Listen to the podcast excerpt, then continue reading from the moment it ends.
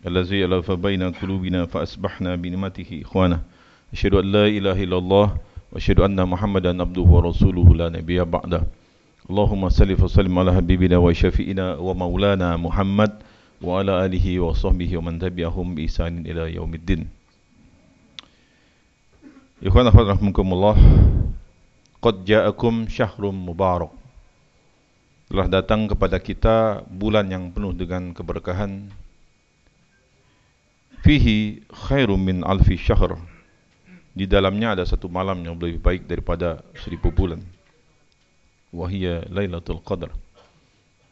Yaitu lailatul qadar. Dan siapa yang ingin mendapatkannya maka kejarlah dari hari pertama. Dari hari pertama. Bukan pada hari-hari yang ganjil. Kita kita tidak tahu ganjil di sini genap di tempat yang lain tapi insya Allah siapa yang mengejar pada hari pertama, maka insya Allah dia akan mendapatkan Lailatul Qadar. Dan beruntung kita dengan datangnya bulan yang penuh berkah ini. Hadis Rasulullah mengatakan, "Iza dakhalu syahrul Ramadan, apabila masuk kepada bulan Ramadan, iftaha abwabil jannah, maka dibuka semua pintu-pintu surga wa akhlibu abwaban nar dan ditutup semua pintu-pintu neraka wa sulsilus sayatin. Maka dibelenggunya setan-setan. Maka di bulan dengan penuh keberkahan ini betapa mudah kita melakukan kebaikan-kebaikan kita tilawah Quran kita solat tarawih, solat berjamaah, solat duha kita bersedekah ringan. Ya karena memang begitulah Allah berikan kepada kita bulan yang penuh dengan pahala yang berlimpah ini sehingga jangan sia-siakan kita isi betul hari-hari kita ini full. Ya selama Ramadan ini dengan full ibadah. Dan insyaallah kalau kita lakukan itu nanti setelah dengan keluar Ramadan kita akan merasakan akan mendapatkan hasilnya yang luar biasa. Dan di bulan ini juga Allah berikan kesempatan kita ya untuk bertaubat ya diampuni segala dosa-dosa kita kalau bukan Ramadan ini kapan lagi kita mohon ampun kepada Allah ya?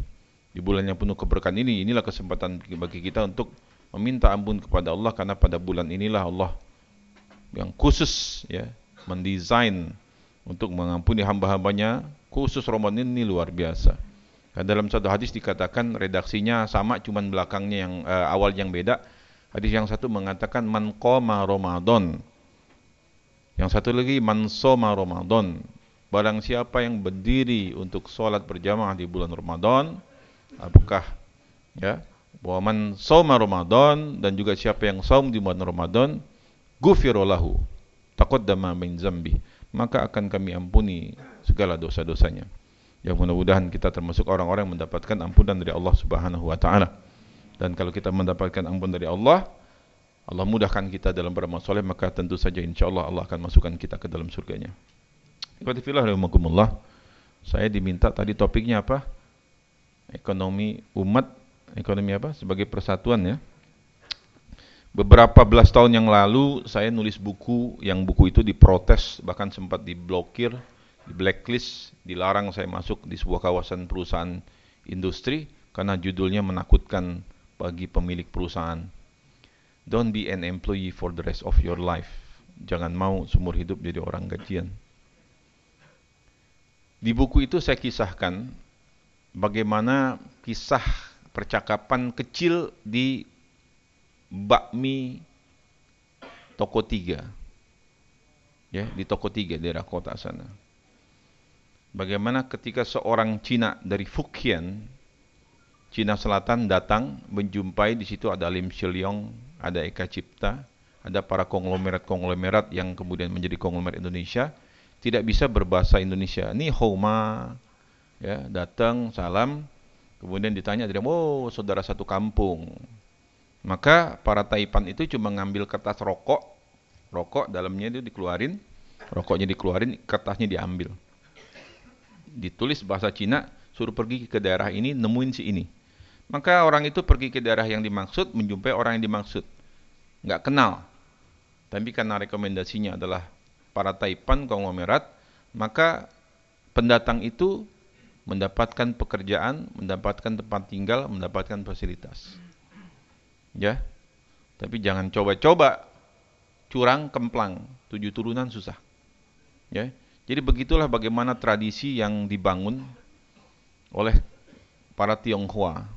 Saya punya buku judulnya Lord of Dreams, penguasa-penguasa pesisir. Itu tentang sejarah perdagangan Cina, penguasaan Cina terhadap bisnis. Ya. Bagaimana mereka itu wallazina kafaru dan orang-orang kafir itu ba'duhum awliya'u ba'd. Satu dengan yang lain saling tolong menolong. Apalagi ketika mereka minoritas, mereka masih sedikit. Ba'duhum awliya'u ba'd. Mereka saling menolong satu dengan yang lain. Padahal orang beriman harusnya juga begitu. Wallazina amanu ba'duhum awliya'u ba'd. Harusnya begitu, tapi tidak terjadi pada kita. Ya. Jadi bagaimana namanya perkongsian, huangsi, kongsi di kalangan mereka itu sangat luar biasa sekali. Dan apa yang terjadi dengan kita hari ini sedang terjadi percis suatu peristiwa yang juga terjadi terhadap Palestina, terhadap Singapura, terhadap Filipina, terhadap Thailand. Di mana di Palestina itu orang-orang Yahudi itu datang sebagai imigran tahun 48. Begitu mereka masuk, mereka kuasai apa? Ekonomi dengan uangnya. Begitu juga ketika di Singapura. Singapura itu dulu adalah mayoritas muslim. Tapi sekarang masjid cuma satu tuh. Di Orchard itu cuma satu masjid. Ya. Jadi susah menjumpai masjid. Kenapa? Mereka kuasai ekonomi. Begitu juga dengan Filipina. Dulu mayoritas juga muslim. Sekarang tinggal berapa persen? Sudah tergusur. Pertama, kuasai ekonomi. Setelah ekonomi dikuasai, kuasai pasar, kuasai tanah. Pertama ekonomi and then land, tanah. Setelah kuasai tanah, kuasai politik. Kalau sudah ekonomi dikuasai, tanah dikuasai, politik dikuasai, take for all, semuanya kuasai. Jadi itulah yang terjadi dengan Palestina, dengan Singapura, dengan Filipina, Thailand juga begitu. Dan sekarang kalau kita mau bilang apakah hal ini juga tidak sedang terjadi di Indonesia? Sedang terjadi. Satu persen penduduk tertentu, ya, saya kutip kata-katanya Profesor Yusril Izzah Mahendra tahun 2017 Januari di acara Indonesia Lawyer Club. Dia mengatakan bagaimana mungkin satu persen penduduk tertentu menguasai 74 persen tanah di Indonesia. Dan mohon mohon maaf kata, kalau menggunakan istilah tempo dulu, mereka adalah non pribumi. 100% kata-katanya saya kutip. Beberapa waktu yang lalu saya ke Sydney sama Babe Haikal sama Bu Husul Maria. Sama sedang terjadi begitu juga. Ya bagaimana namanya obor. One Belt One Road. Kalau kita lihat rencana obor itu Anda silakan googling, buka di YouTube tentang rencana obor itu bagaimana dari ujung ke ujung. Mereka menciptakan the New Silk Road membuat jalur sutra baru yaitu dengan caranya obor. Ini luar biasa. Ya, APBE apa mereka punya APBN itu luar biasa, billion US dollar mereka pinjemin dan akhirnya negara-negara krediturnya itu menjadi terikat tidak bisa bayar hutang seperti Angola dan lain-lain maka diambil ya Vanuatu dan kemudian juga ya Virgin Island seperti itulah perangkap-perangkap yang dibuat. Tapi bagaimana kita lihat persatuan itu yang dibangun. Ba'duhum awliya ubad. Mereka saling satu dengan yang lain saling mendukung. Dan apa yang terjadi? Ya itulah. Kalau kita kemarin saya bilang waktu saya di depan teman-teman di relawan padi di Sydney itu uh, sama Bu Husnul Maria saya bilang Bu Husnul ini kepada enggak gila saya bilang bangsa kita ini. Saya punya data itu satu perusahaan satu perusahaan itu punya tanah 8 juta hektar. Satu perusahaan 8 juta hektar. Bu Husnul koreksi saya. Ustaz, saya ketemu sama pemiliknya, sama direktur utamanya. Bukan 8 juta Ustaz, 9 juta hektar. 9 juta hektar berapa meter persegi itu? Eh?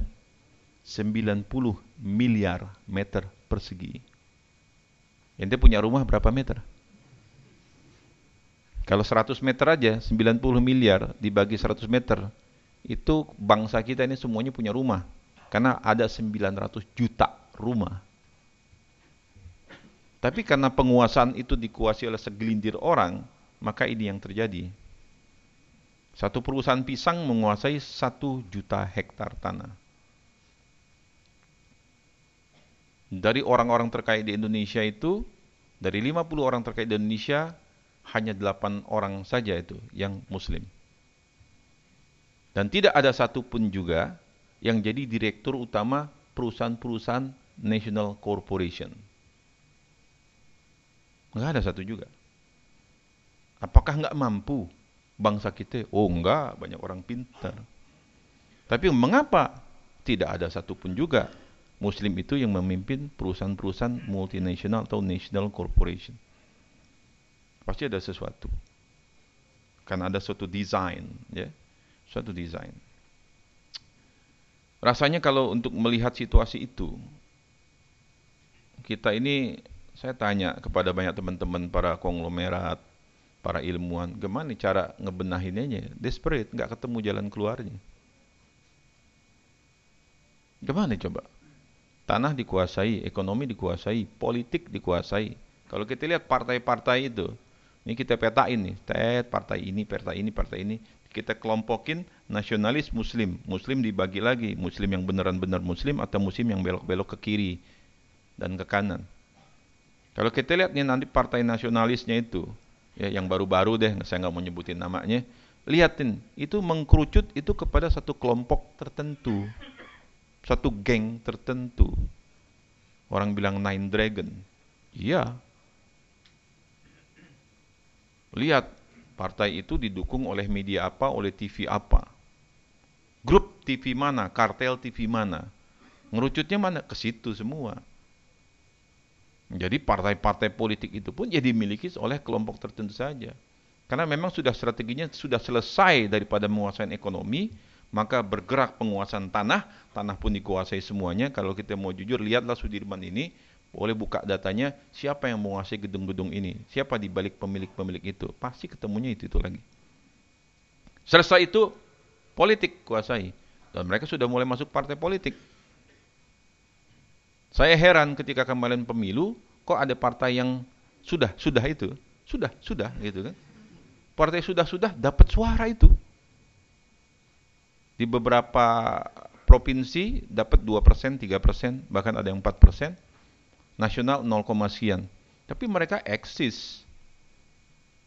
Eksis di daerah-daerah itu, punya wakilnya. Akan ada yang masuk jadi anggota DPRD. Setelah kita lihat, kenapa bisa begitu? Kenapa Barta yang bukan-bukan itu kok bisa seperti itu? Iklannya aja luar biasa. Di tempat saya itu kita sudah metain semua. Satu gang ini satu blok saya tuh udah kepeta. Siapa ini milih siapa siapa. Eh ada empat orang milih yang sudah-sudah itu. Kita bingung siapa yang sudah-sudah ini. Empat orang dari sekian ratus orang. Oh tahu yang mohon maaf non muslim. Yang ideologinya merah. Oh berarti yang milih ini adalah pemertai pemilih merah. Yang lambangnya merah. Siapa? Tapi kan keluarganya cuma beberapa. Oh iya orang tuanya. Anaknya, oh anaknya milih yang sudah-sudah itu. Jadi ternyata memang ada instruksi. Orang tua pilih yang partai yang ini, anak muda pilih partai yang anaknya muda. Eh ternyata kok masih ada juga lebih setelah kita hitung. Kok ada? Siapa yang milih? Ternyata dugaannya cuma satu saja. Oh, yang pilih kemungkinan adalah emak-emak kita yang anti di poligami. Karena partainya kan anti poligami kan, gitu kan. Jadi rupanya ya ke situ anak mudanya belok, orang tuanya juga belok. Ini fenomena ini luar biasa. Kalau nggak di rem, kalau nggak ditahan ke depan, ini akan seperti fenomenanya Kayak PKS dulu kan begitu ya. Awalnya kecil tiba-tiba jelk melembung. Nggak tahu nanti 2024 ini akan seru lagi. Kalau para pemimpin-pemimpin partainya berganti atau digantikan atau meninggal segala macam, wah ini polarisasinya akan lebih banyak lagi. Ya. Tapi itulah bagaimana wallazina kafaru ba'duhum awliya'u ba'd. Orang-orang kafir itu satu dengan yang lain tolong menolong. Dari mana kita bisa mulai memperbaikinya? Yang harus kita lakukan pertamanya politik. Satu-satunya yang bisa kita mulai itu dengan politik. Makanya Alhamdulillah kemarin setelah selesai pemilihan kita lihat ada partai yang kita nggak perkirakan naiknya luar biasa tapi partai Islam juga alhamdulillah naik juga gitu kan. Nah, tinggal saya bilang PR-nya bagi kita ini adalah setelah itu bagaimana partai-partai Islam ini yang berideologi Islam atau berbasis masa Islam proof membuktikan kepada masyarakat bahwa keberadaan mereka, eksistensi mereka di masyarakat dirasakan. Sebab kalau tidak mereka akan swing lagi, pindah lagi, pindah haluan lagi. Ya, jadi betul-betul kita harus bisa membuktikan politik. Jadi nomor satu Ya kalau pakai milenial-milenial saran saya memang ya masuklah politik, terlibat aktif di politik. Politik yang islami. Ya. Dan saya seruku juga ketika dengar teman-teman beberapa dosen ya, dekan ketemu sekarang ada terjadi pergeseran bahwa anak-anak muda itu sekarang para milenial cenderungnya milih jurusannya jurusan-jurusan sosial. Jurusan politik, jurusan komunikasi, hubungan internasional. Ya, karena memang you are the next leader. Kalian anak-anak muda yang usianya sekarang 30-an inilah yang kerap akan menjadi pemimpin di masa depan. Dia harus mengambil peran itu. Yang kedua adalah memang yang harus kita bangkitkan ekonomi. Tapi dengan kondisi yang seperti sekarang ini, ini luar biasa. Kalau saya bilang dagingnya udah diambil, tulang juga diambil juga. Udah nggak ada yang tersisa bagi bangsa kita ini. Okay. Terus terang saya sebagai ya, pelaku ekonomi, sebagai pengamat ekonomi juga melihat kayak gini dari mana kita mesti mulai. Tapi ada satu kasus fenomena yang luar biasa belakangan ini. Ya, ketika tahun 2016 terjadi aksi 212, saya bilang, it is, it is the moment. Ini momennya. 7,4 juta orang turun ke jalan, ya, cuma dikomando lewat WhatsApp, Facebook. Kemudian reuni satu, reuni kedua 10 juta. Ya, ini saya bilang. Kumpul kita saat itu di Hotel Sofian, saya diundang dan akhirnya dengan para ulama ditunjuklah enam orang. Ketuanya Pak Syafi Antonius, saya sebagai wakilnya, Dewan Ekonomi Syariah 212, kita buat itu. Saya bilang, ini harus dieksekusi. Sebagaimana dulu Ahmad Yassin, Syekh Ahmad Yassin di Palestina itu, itu dari tahun 60-an sudah membuat satu gerakan halaqah tarbiyah-tarbiyah para mujahid-mujahidah di Palestina, mereka menunggu, menunggu momentum. Sampai akhirnya ada bulan Desember tahun 87 lahirlah namanya gerakan Intifadah perlawanan rakyat dengan apa? Batu, dilempar batu. Peluru dilawan dengan batu. Ada momentum. Ketika momentumnya datang, masuk, jadi. Saya bilang ketika 212 itu, kalau momentum besar ini tidak dimanfaatkan dan belum tentu ini terjadi 10-20 tahun lagi. Rame, ya rame, reuni-reunian. Tapi momentum yang pertama meletup sebanyak itu, itu belum tentu terjadi 10-20 tahun lagi. Tunggu keadaan seperti itu. Tunggu ada momentum kayak gitu baru bisa terjadi lagi. Kalau tidak dimanfaatkan, momentum itu, cerita itu cuma jadi sejarah, jadi foto, jadi video, jadi gambar, jadi film layar lebar, dan jadi novel. Nothing. Kita harus manfaatkan betul. Dan itu momentum saya bilang. Dan kenapa ekonomi jadi suatu momentum? Bagaimana cara kita membalikan yang puluhan miliar meter square itu yang sudah dikuasai oleh orang tertentu dan oleh asing tertentu? Land reform, revolusi tanah. Kalau berani pemerintahnya. Berat. Sekarang jujur sama saya, teman-teman yang sudah punya rumah nih, punya rumah dia punya rumah. Rumahnya ukuran berapa? Punya anak berapa? Kalau punya anak dua, lo mati jadi warisan berdua kan? Jadi kecil di rumah. Saya ini Kemayoran, saya tinggal di Kemayoran, saya asli orang Kemayoran, lahir besar di Kemayoran. Kami punya rumah besar, seribu meter. Di Kepu, Jalan Garuda. Seribu meter square. Harga lima juta. Tapi orang Betawi, anaknya banyak, keluarganya banyak. Bapaknya meninggal, dibagi kan, sembilan. Bagi sembilan. Dari Kemayoran, bagi sembilan. Lima juta, dibeli tujuh juta semeter. Harga pasaran lima juta, dibeli tujuh juta. Lepas nggak? Lepas. Money has on power. Duit punya kuasa. Lepas. Dari Kemayoran, Jakarta Pusat, the central of Jakarta. Kita di pusat Jakarta nih, digeser. Seret. Saya pindah ke Depok. Ada lagi digeser. Seret, jauhan dikit ke Citayam. Jadi Citayam geser lagi ke Bogor.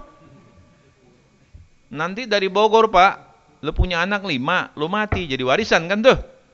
Dikecilin lagi tuh rumah. Dari Bogor geser ke mana? Sukabumi. Nah di Sukabumi geser lagi. Parung kuda. Sukabumi Selatan, pinggir laut kan. Tinggal cemplungin aja. Dan itu yang terjadi dengan Singapura. Lihat sekarang di owner di Singapura itu siapa?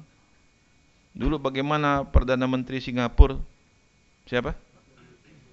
Ya, Lee Kuan Yew, anaknya Lee Hsien Loong itu kan. Bagaimana Lee Kuan Yew pakai baju kayak saya begini Pak, baju koko putih, pakai kopiah, keliling kampung, wah salaman, menang. Begitu menang ganti semua kebijakannya. Muslim geser, geser, geser. Ente tinggal di Jakarta, nanti pajaknya naikin aja tuh, zaman yang diganti itu kan, naik 300 persen.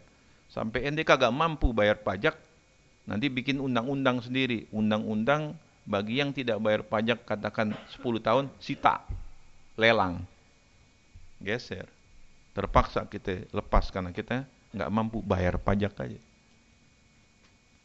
Pertama kuasai ekonomi, kedua kuasai tanah, ketiga kuasai politik, and then take it all, ambil semuanya. Kalau kita nggak lakukan itu luar biasa. Ya.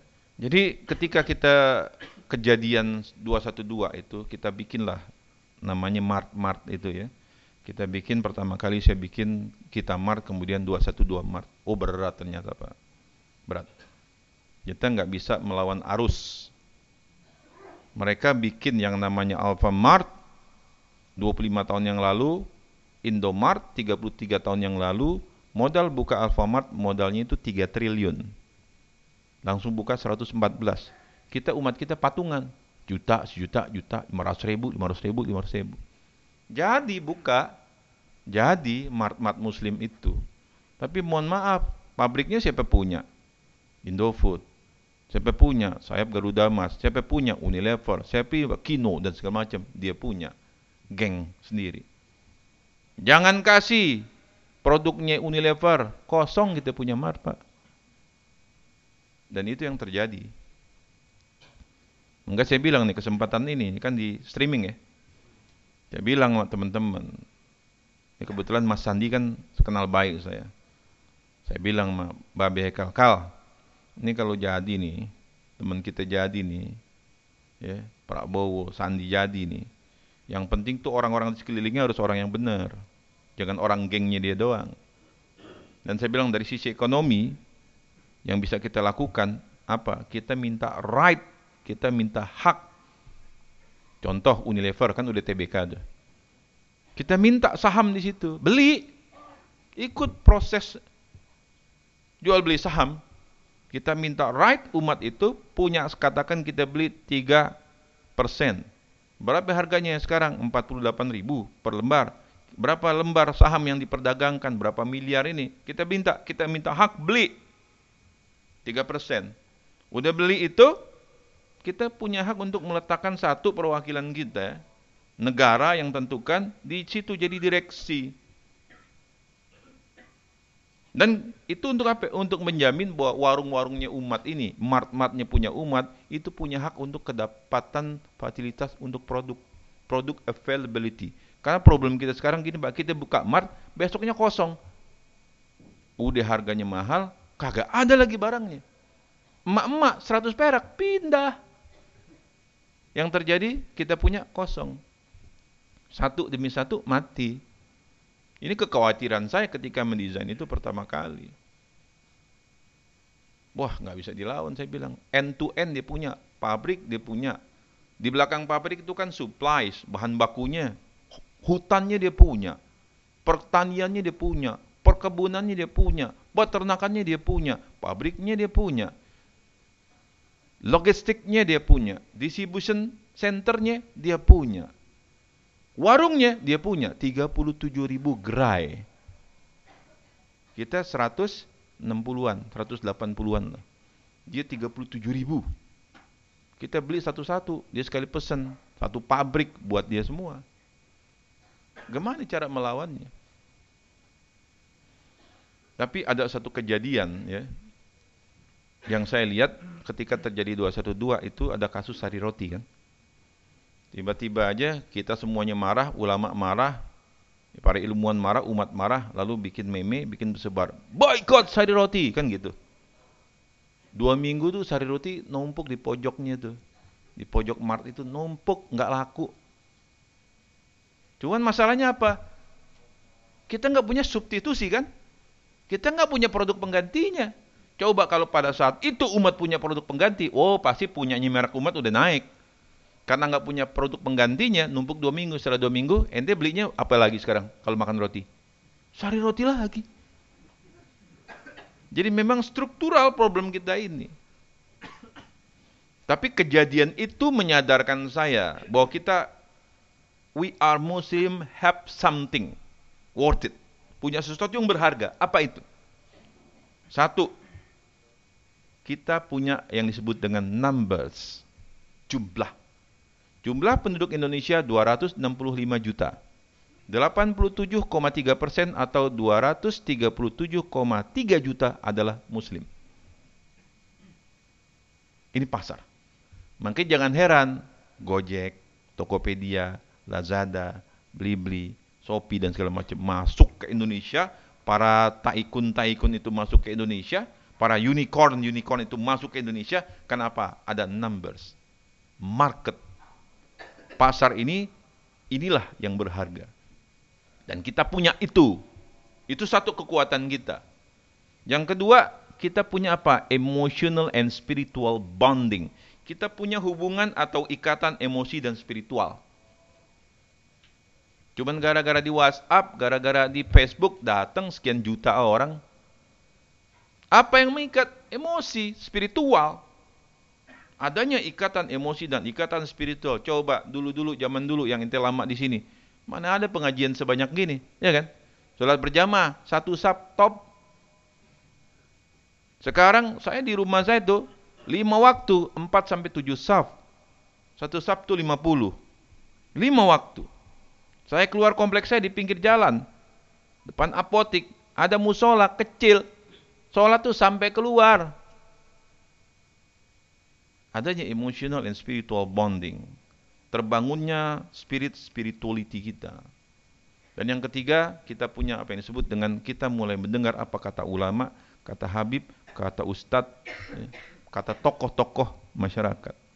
Ini model. Ini modal kita. Nah, bagaimana sebetulnya tiga modal utama ini kita engineering? Kita jadikan suatu kekuatan. Ya. Dan saya lihat apa? Bukti bahwa kita bisa melakukan itu adalah dengan kita Mart dan 212 Mart. Eh, kita bikin Mart milik umat, patungan. Patungan! Terjadi. It happen, terjadi. Bahwa adanya numbers, adanya emotional spiritual bonding, dan adanya kita mulai mendengar apa kata ulama, itu terjadi. Nah bagaimana sebetulnya, bagaimana kita melakukan engineering, social engineering. Ya. Saya nggak suka pakai istilah social capitalization, itu kapitalis. Kalau istilahnya kalau pakai bahasa IT, kita lakukan monetizing, kita memonetize numbers yang besar ini, spirit yang sedang bergelora ini, dan seruan-seruan ulama yang mulai didengar ini bagaimana kita memformulasikannya jadi sesuatu. Nah ini perlu peran serta. Semua umat. Ya, makanya ketika strategi yang kita jalankan lewat bikin mart itu tidak jalan, nggak jalan terus terang aja. Permintaan, oh banyak permintaan. Permintaan datang ke saya, Ustaz mau buka kita mart, nggak bisa, nggak bisa, saya tolak. 1600 gerai antri, queue, nggak bisa, saya bilang. Kita nggak siap, kita belum siap, mau ngapain? Kita paksain, kita buka. Nanti kemudian tutup. Karena secara infrastruktur nggak siap. Akhirnya saya berpikir, ke mana sekarang mereka berada? Di mana sekarang mereka berada? Ada satu fenomena yaitu ketika bangkitnya spirit itu masjid-masjid jadi penuh ya. Masjid-masjid itu jadi penuh Pak. Back to masjid. Makanya saya tulis nih buku. Masjid Mandiri membangun ekonomi berbasis masjid. Ya. Saya kasih buat masjid sini. Ya. Jadi back to masjid. Kembalikan ke masjid. Kenapa? Ya kalau Jumat kan penuh. Tahu jumlah masjid ada berapa? Jumlah masjid ada kurang lebih 850 ribu masjid di Indonesia ini. Cuman nggak ada yang kelola. Kemarin saya diundang di Istiqlal ngisi 150 masjid Jakarta Timur. Saya udah ngomong dua tahun yang lalu, saya bilang buat pusat kajian pengembangan ekonomi umat berbasis masjid. Ini Istiqlal, pusatnya masjid Indonesia. Ya kan, ini masjid negara. Saya sampai ngomong nih, mohon maaf nih ya, bapak-bapak jenderal purnawirawan, pemimpin itu banyak jenderal, para pemimpinnya itu. Kalau pakai bahasa Betawi nanti lo ditanya sama Allah, eh mengurus masjid Istiqlal, eh masjid-masjid yang lain. Ini Allah kasih lo kuasain masjid, diamanatin di masjid suruh membina umat. Kerja lo apaan aja? Sampai hari ini aja jumlah data masjid kagak punya, saya bilang. Nggak tahu jumlahnya berapa. Yang ini ngomong sekian, ini sekian, ini katanya, itu katanya. Show me the numbers. Nggak ada. Tapi kita balik ke masjid. Jadi saya coba desain, ya. Jadi teman-teman mungkin yang nanti pengurus masjid, ya, yang jadi pengelola masjid di rumah masing-masing, yuk kita back to masjid. Saya coba mendesain ulang ya pengalaman daripada kita berpatungan itu yang bisa terjadi, itu terjadi ya. Terjadi kumpul duit sampai puluhan miliar itu kan 212 itu. Bahwa ini bisa kita kecilin, kita lokalisasi, kita buat model yang lebih kecil lagi di lingkungan masjid. Bagaimana kita mensejahterakan masyarakat sekitar masjid, membangun ekonomi basis masjid, menguatkan UKM-UKM berbasis masjid, Ya, kenapa? Jumlahnya luar biasa. Itu kalau kita bisa engineering itu, makanya saya perlukan nih.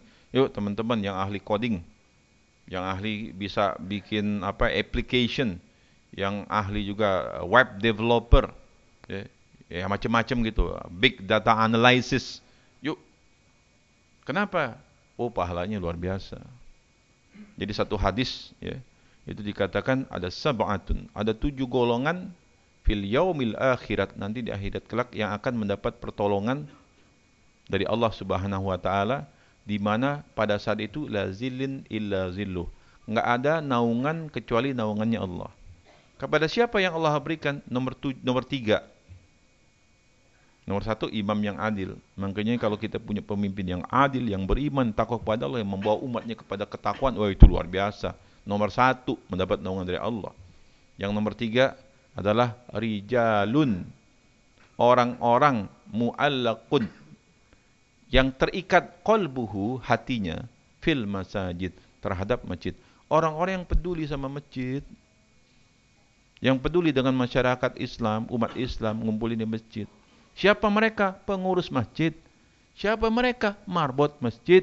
Siapa mereka? Imam masjid Siapa mereka? Ustadz-ustadz yang ceramah di masjid. Siapa mereka? Orang-orang yang berjamaah di masjid. Siapa mereka? Para developer yang bikin aplikasi buat masjid yang itu memberikan manfaat yang besar.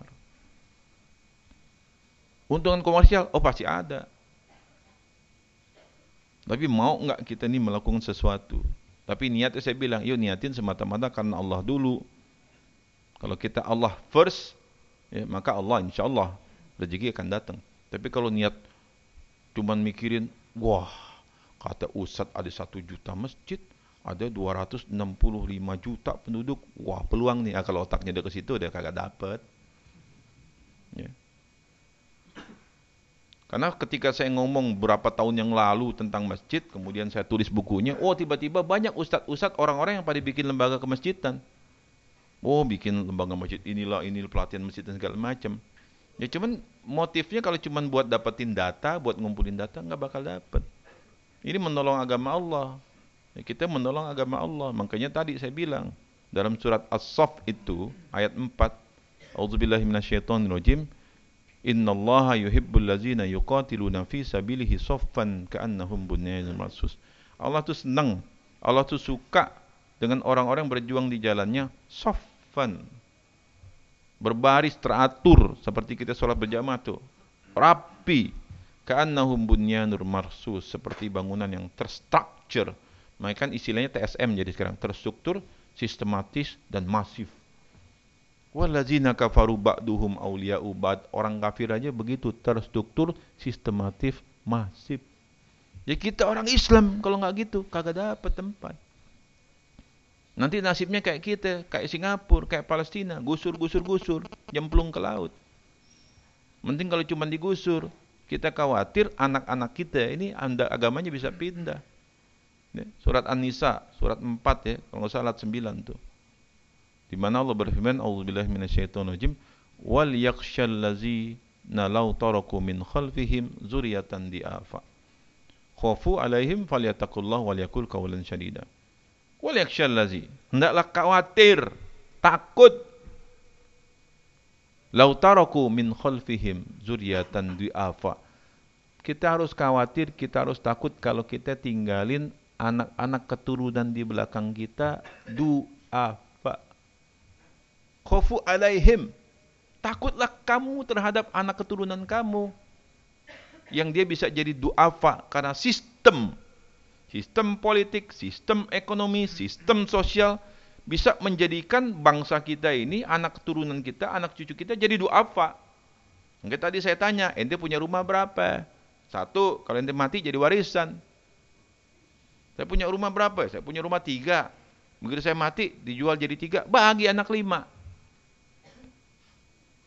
tetap aja jadi kecil, nggak sebagian juga semua. Geser. Jakarta geser Depok, Depok geser Bogor, Bogor geser Sukabumi, Sukabumi tinggal nyemplung ke laut. Sukabumi udah banjir, kan gitu. Jadi itulah dasar bagaimana Islam menghendaki kita itu hidup cukup. Hidup jadi orang kaya. Karena kita harus khawatir. Nah, kaya itu gimana ya? Ini kalau kita mau lihat data, utang kita itu kan 5.400 triliun, ya. Indonesia utang 5.400 triliun. Ikan kita ikan di laut nih, yang Bu Susi sekarang pegang, potensi ikan aja, baru ikan, belum rumput laut, belum mutiara, belum kapal bangkai kapal itu, ya, bangkai kapal yang isinya harta karun. Itu setahun 7.500 triliun. Sama ikan aja lunas utang. Itu baru ikan. Belum emas merah, emas kuning, emas hitam batu bara, emas putih, emas hijau, pohon, hutan dan segala macam. Waduh. Ini bangsa ini baldatun toyibatun robun gofur. Yang salah apa? Tata kelolanya. Ya. Mungkin kayak di Brunei kan, ya kaya-kaya, penduduknya berapa? 400 ribu. Kekayaannya emas luar berlimpah, udah semuanya penduduk kaya raya, dibagiin aja. Jangan kita punya ide yang aneh-aneh, yang nganggur nanti digaji. Kan gitu. Idenya nganggur digaji. Tiba-tiba ente jadi pengangguran. Mendingan nganggur. Kerja capek, gaji 2 juta. Nganggur digaji satu setengah juta. Nganggur aja dah. Duitnya kagak ada, gitu kan. Dia bikin bangsa jadi males. Ya, jadi memang harus bangkit dan eh, fungsi kelas menengah ente nih termasuk kita semua ini perannya besar. Karena kebangkitan di dunia, seluruh seluruh di dunia. Kalau kita lihat sejarah dunia, bangkitnya suatu negara itu, revolusi suatu negara, ini kan lagi rame, istilahnya apa? Kita mau apa? Ah, people power. People power ujungnya revolusi itu. Di seluruh dunia itu diawali oleh kelas menengah. Revolusi industri di Inggris. Revolusi Prancis di Prancis. Revolusi Bolshevik Jerman, revolusi kaum barzakh di Iran itu adalah middle class. Semua yang melakukannya itu kelas menengah. Ini kelas menengah memang kelas yang menentukan. Dia menentukan ke mana arahnya. Ya, makanya betul-betul kalau saya saran saya itu kepada antum para pekerja, weh, ente kerja yang rajin, kerja yang giat, cepat-cepat ente jadi direktur, cepat-cepat jadi manajer, kalau perlu jadi direktur utama. Karena kalau jadi direktur utama mentok kan tuh, keluar kan, gantiin yang lain. Ya, banyak oh bangsa ini nggak pernah kekurangan sumber daya. Banyak orang-orang pinter kita. Banyak orang-orang hebat. Tapi yang kita perlu pemimpin yang bisa mengengineering semua ini, ya menata ini semua. Ya mudah-mudahan kita doakan kepada Allah, mudah-mudahan Allah pilihkan kita pemimpin yang mencintai rakyatnya, dicintai rakyatnya, memberikan kesejahteraan, ya, kebahagiaan, ketentraman, kedamaian bagi umat kita, masyarakat kita, bangsa kita. Ya, 265 juta. Dua, tahun 2030 diperkirakan jadi 300-an juta lebih tuh. Ya. Dua per tiga penduduk Indonesia adalah seperti wajahnya antum-antum di bawah 35 tahun. Dua per tiga. The next future leader, pemimpin masa depan ya antum-antum ini. Yang sekarang usianya masih 35-an ke bawah. Tuh. Ini kalau dikelola betul, di manage betul, wah ini Indonesia luar biasa. Bukan mimpi jadi negara nomor 5 terbesar di dunia, bukan mimpi. Tapi kalau tidak bisa dikelola, tidak bisa di manage, ya, terjadi kerusakan sosial dan segala macam, ini PR-nya berat. Ya, makanya kita semua bisa menahan diri, ya, kemudian unjuk prestasi, ya, bagi umat, yuk kita lakukan sesuatu untuk umat. Ya, kita buat sesuatu. Makanya saya bikin gerakan tuh dari masjid, ya, karena jumlah masjid kita luar biasa. Ya, kalau masjidnya makmur, insya Allah. Ya, tinggal bagaimana kita membuat desain. Makanya saya mendesain program ekonomi, kemudian juga perigan bagaimana saya buat program rekayasa sosial juga sekitar masyarakat itu.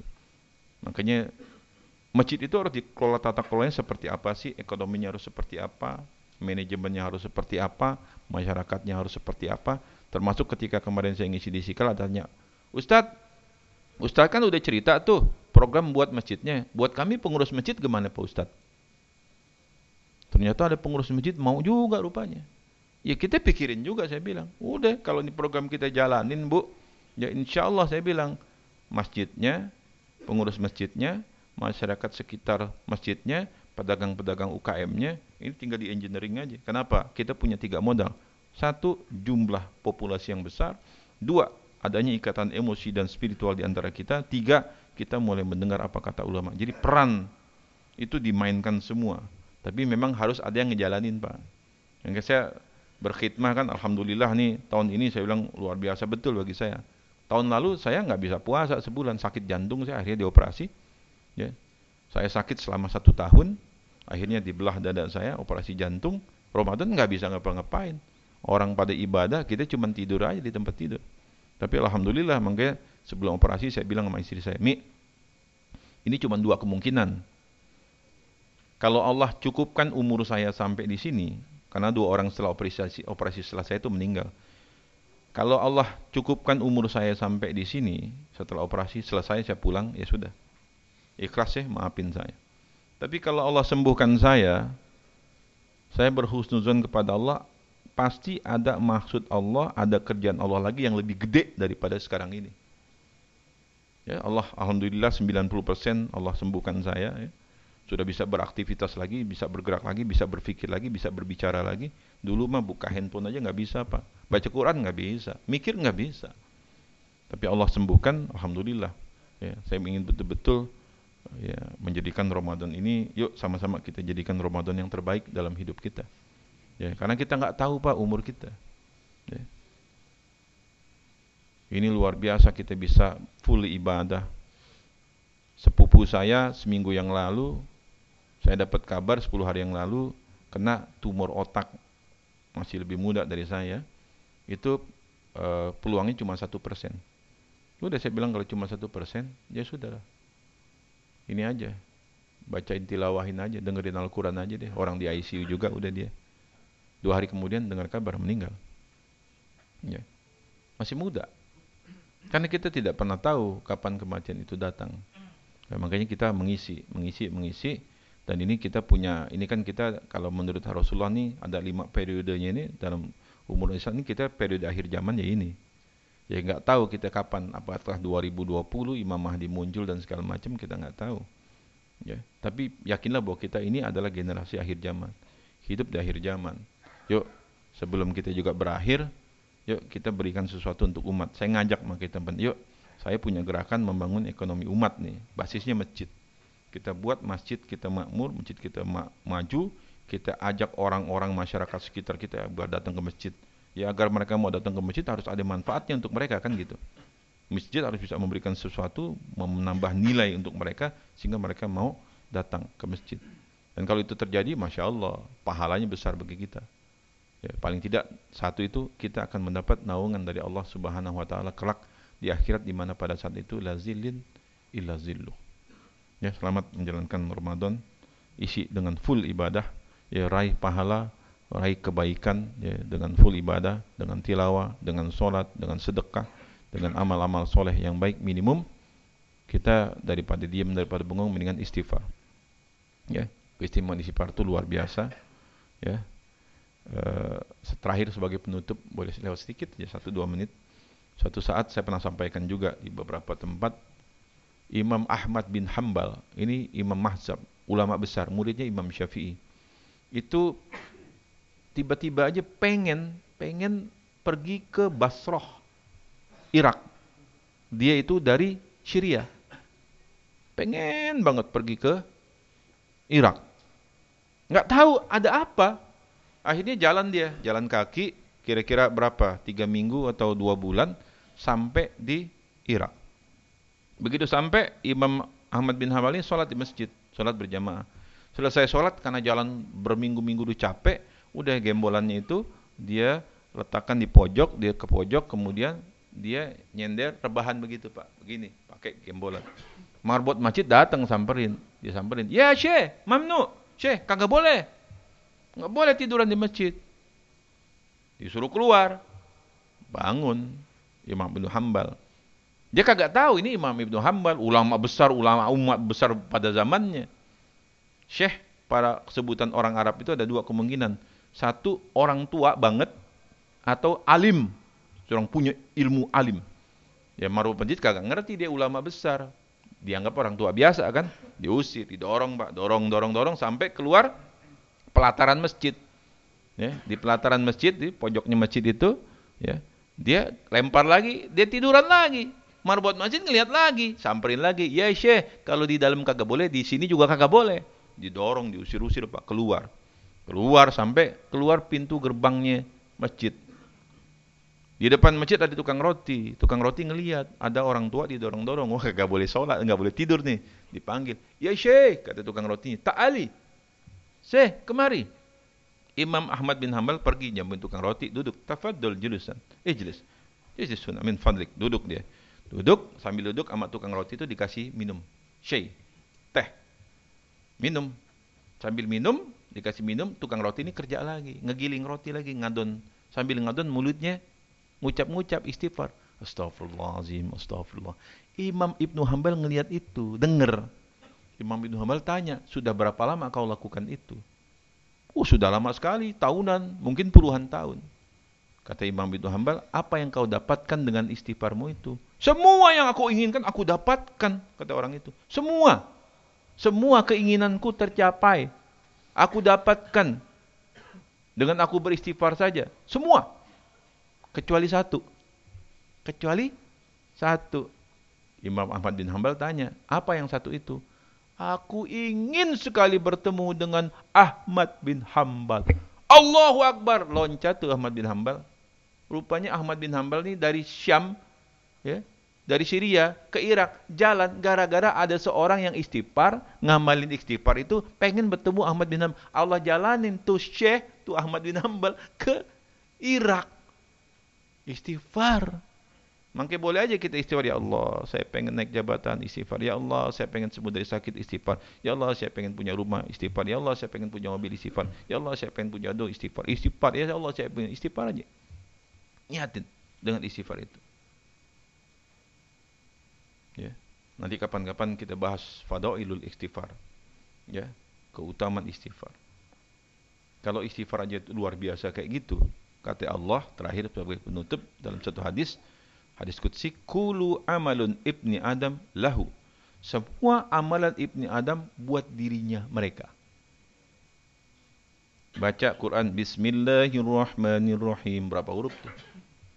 Wala akulu alif lamin huruf. Jangan kau katakan alif lamim satu huruf. Walakin tetapi alif hurfun, walam hurf, wa mim huruf.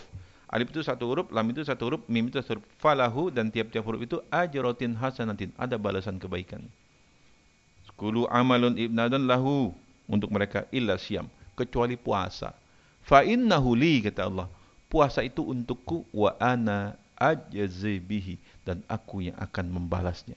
Kalau tadi tu tukang roti aja cuman istighfar dia dapetin apa yang dia mau, apalagi dengan suami. Aku lu qauli hadza fastaghfiruhu innahu wal ghafurur rahim. Assalamualaikum warahmatullahi wabarakatuh. Alhamdulillah, jazakallahu khair. Ahsan jasa Ustaz. Karena sudah menunjukkan pukul waktu